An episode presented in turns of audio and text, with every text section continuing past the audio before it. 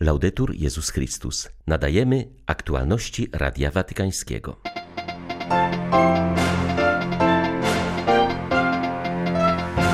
Podczas audiencji ogólnej papież mówił o modlitwie jako walce duchowej, której czasami towarzyszy poczucie milczenia Boga. On jednak jest zawsze z nami, także wtedy, gdy o tym nie wiemy albo tego nie czujemy.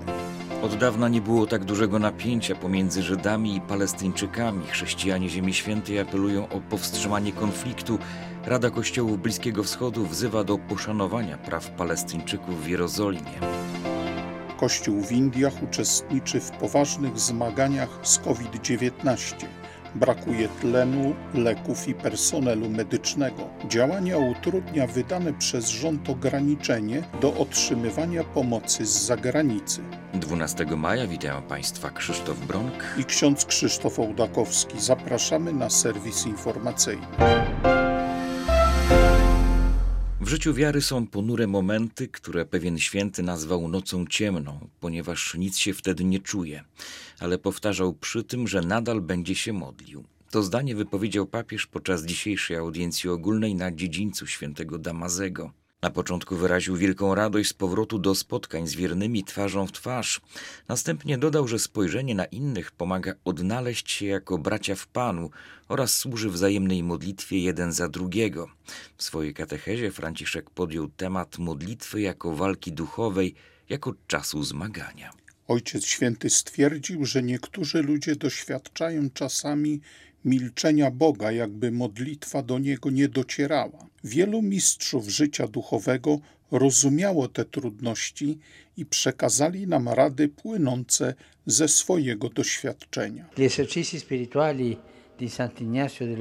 Ćwiczenia duchowe świętego Ignacego z Loyoli to na przykład książeczka o wielkiej mądrości, która uczy jak uporządkować swoje życie. Uświadamia nam, że powołanie chrześcijańskie jest wojowaniem, jest decyzją, by stać pod sztandarem Jezusa Chrystusa, a nie pod sztandarem diabła, starając się czynić dobro nawet wtedy, gdy staje się to trudne. W chwilach próby warto pamiętać, że nie jesteśmy sami, że ktoś nad nami czuwa i chroni nas. Papież przywołał przykład walki podczas modlitwy, której doświadczył z bliska w życiu pewnego robotnika argentyńskiego. Ten, dowiedziawszy się o śmiertelnej chorobie swojej córki, wybrał się do Matki Bożej z Luchan i tam przed zamkniętą bramą świątyni przez całą noc błagał o zdrowie dla swojego dziecka.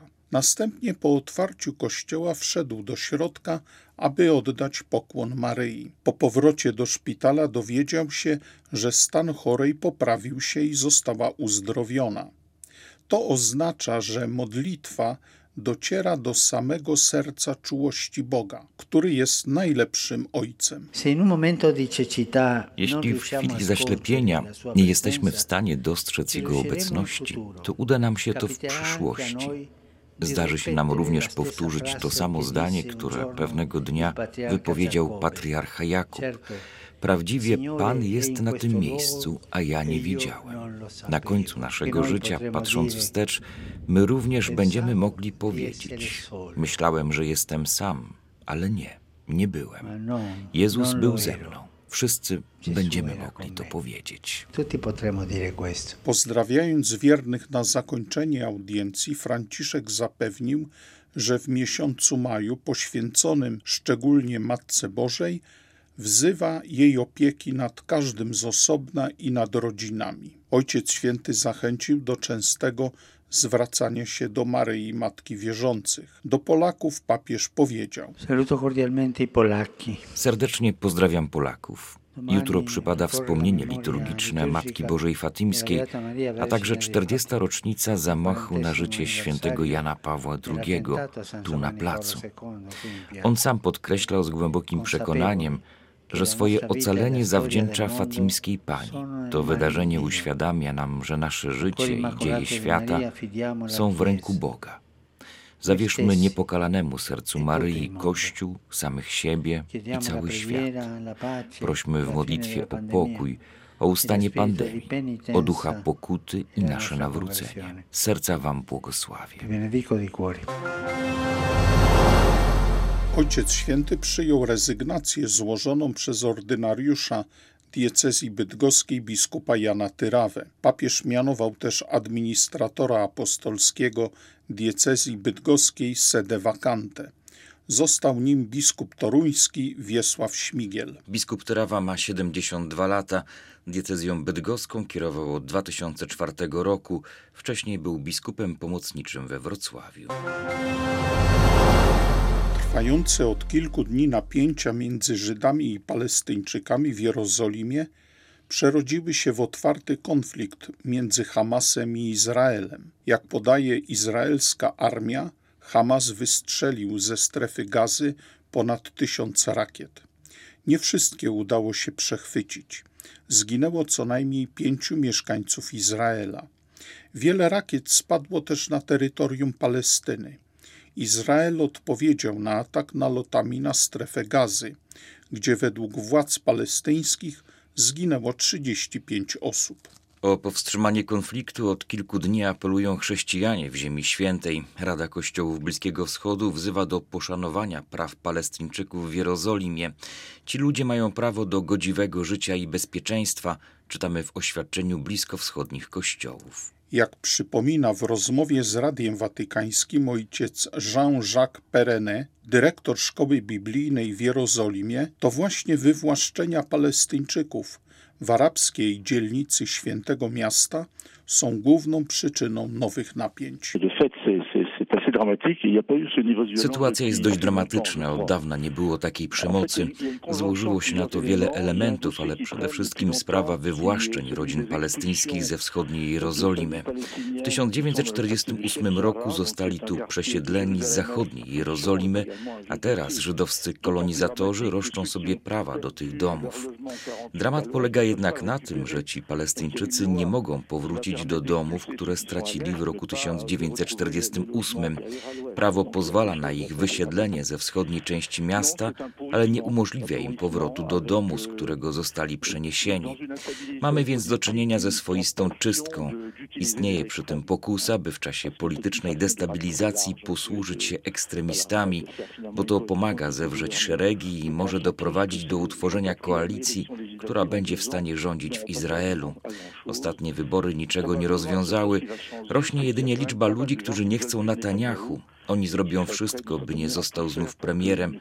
To wszystko, co mogę powiedzieć.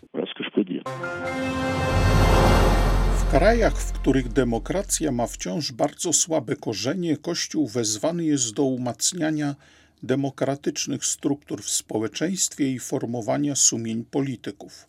Mówiono o tym na międzynarodowym sympozjum zatytułowanym Stan zdrowia demokracji na świecie które zostało zorganizowane przez Papieski Uniwersytet Gregoriański we współpracy z jezuickim ośrodkiem Astalli, który niesie pomoc uchodźcom.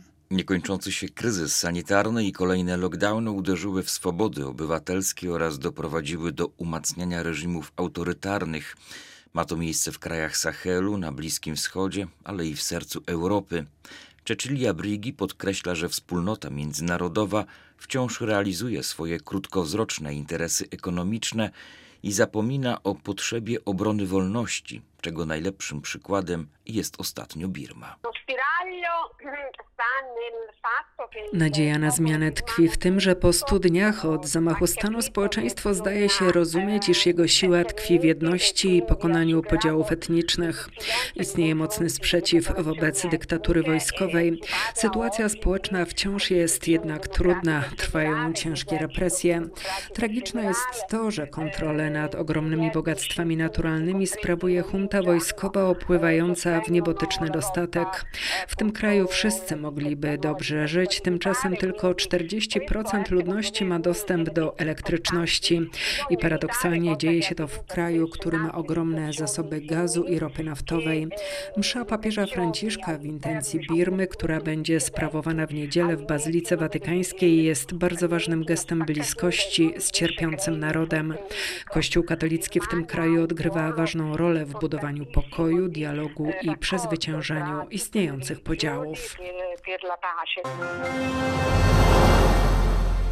Kolejna fala pandemii koronawirusa boleśnie dotyka Indię, Najbardziej widoczne jest to w dużych aglomeracjach miejskich. Mnożą się miejsca, w których zgodnie z hinduistyczną tradycją palone są ciała zmarłych. Chrześcijanie poszukują też ziemi, którą można wykorzystać na dodatkowe cmentarze. Arcybiskup Peter Machado podkreśla, że pandemiczna sytuacja znacząco różni się w zależności od stanu. Na terenach rolniczych i słabiej zamieszkanych jest dużo bezpieczniej. Oddaliśmy do dyspozycji władz katolickiej i protestanckich szpitale i przychodnie. W szkołach powstały punkty szczepień, mówi metropolita aglomeracji Bengaluru, która przekracza 10 milionów mieszkańców. Nie panuje chaos, ale kraj nie był przygotowany na kolejną falę pandemii. Wysiłki władz są niewystarczające, brakuje tlenu, leków, personelu medycznego, stąd apel o pomoc do instytucji kościelnych. Oczywiście robimy wszystko, co w naszej mocy. W tak dużym mieście problemem jest też znalezienie miejsca na chrześcijańskie cmentarze. Hinduiści nie chcą się na nie godzić. Stworzyliśmy specjalną grupę wolontariuszy i czterech kapłanów, którzy odpowiadają za pogrzeby zmarłych na koronawirusa przy zachowaniu zasad sanitarnych. Błogosławią przed pochówkiem ciała, prowadzą modlitwę, a msza pogrzebowa sprawowana jest później w kościele. Działania Kościoła w obecnej sytuacji są znacznie utrudnione, gdyż kilka miesięcy temu rząd premiera Modiego wprowadził ograniczenia dotyczące otrzymywania pomocy zagranicznej przez instytucje religijne. W zamyśle władz ma to niby zapobiec wykorzystywaniu środków zewnętrznych do prowadzenia ewangelizacji. W praktyce sprawia, że w tej dramatycznej sytuacji nie mamy środków na zakup leków i potrzebnego sprzętu, mówi arcybiskup Machado. Wczoraj odbyła się prezentacja książki generała jezuitów ojca Arturo Sousy pod tytułem W drodze z Ignacym. Została napisana wspólnie z dziennikarzem hiszpańskim Dario Menorem jako wprowadzenie do rozpoczynającego się 20 maja roku ignacjańskiego, upamiętniającego 500. rocznicę nawrócenia założyciela Towarzystwa Jezusowego. Prezentacja książki odbywała się pod hasłem Jak osiągnąć prawdziwą wolność. Generał jezuitów zauważył, że pandemia bardzo spotęgowała w każdym z nas pragnienie wolności, ale można ją osiągnąć jedynie na drodze stopniowego wyzwolenia. Aby podążać tą drogą, jako hasło roku ignacjańskiego wybrano zdanie widzieć nowymi wszystkie rzeczy w Chrystusie, mówi ojciec Arturo Souza. Dojście do wolności zakłada długą i złożoną drogę wyzwolenia. Rana odniesiona przez Ignacego Loyole podczas bitwy w Pampelunie 500 lat temu była momentem decydującym i wyjątkowym na tej jego drodze wyzwolenia. Dzięki ranie zadanej w nogę nawrócił się i stał się pielgrzymem. To jest piękny paradoks. Roztrzaskana noga wprowadziła go na drogę nawrócenia. Ta droga nigdy się już nie skończy i będzie nadal trwała. Ignacy wyzwolił się od złudzeń, które sobie zbudował, podążając za swoim doświadczeniem nabytym w domu rodzinnym i na dworze królewskim. Szedł za tym ideałem do czasu, kiedy odniósł ranę, co otworzyło go na osobiste spotkanie z Jezusem. Były to aktualności Radia Watykańskiego. Laudetur Jezus Chrystus.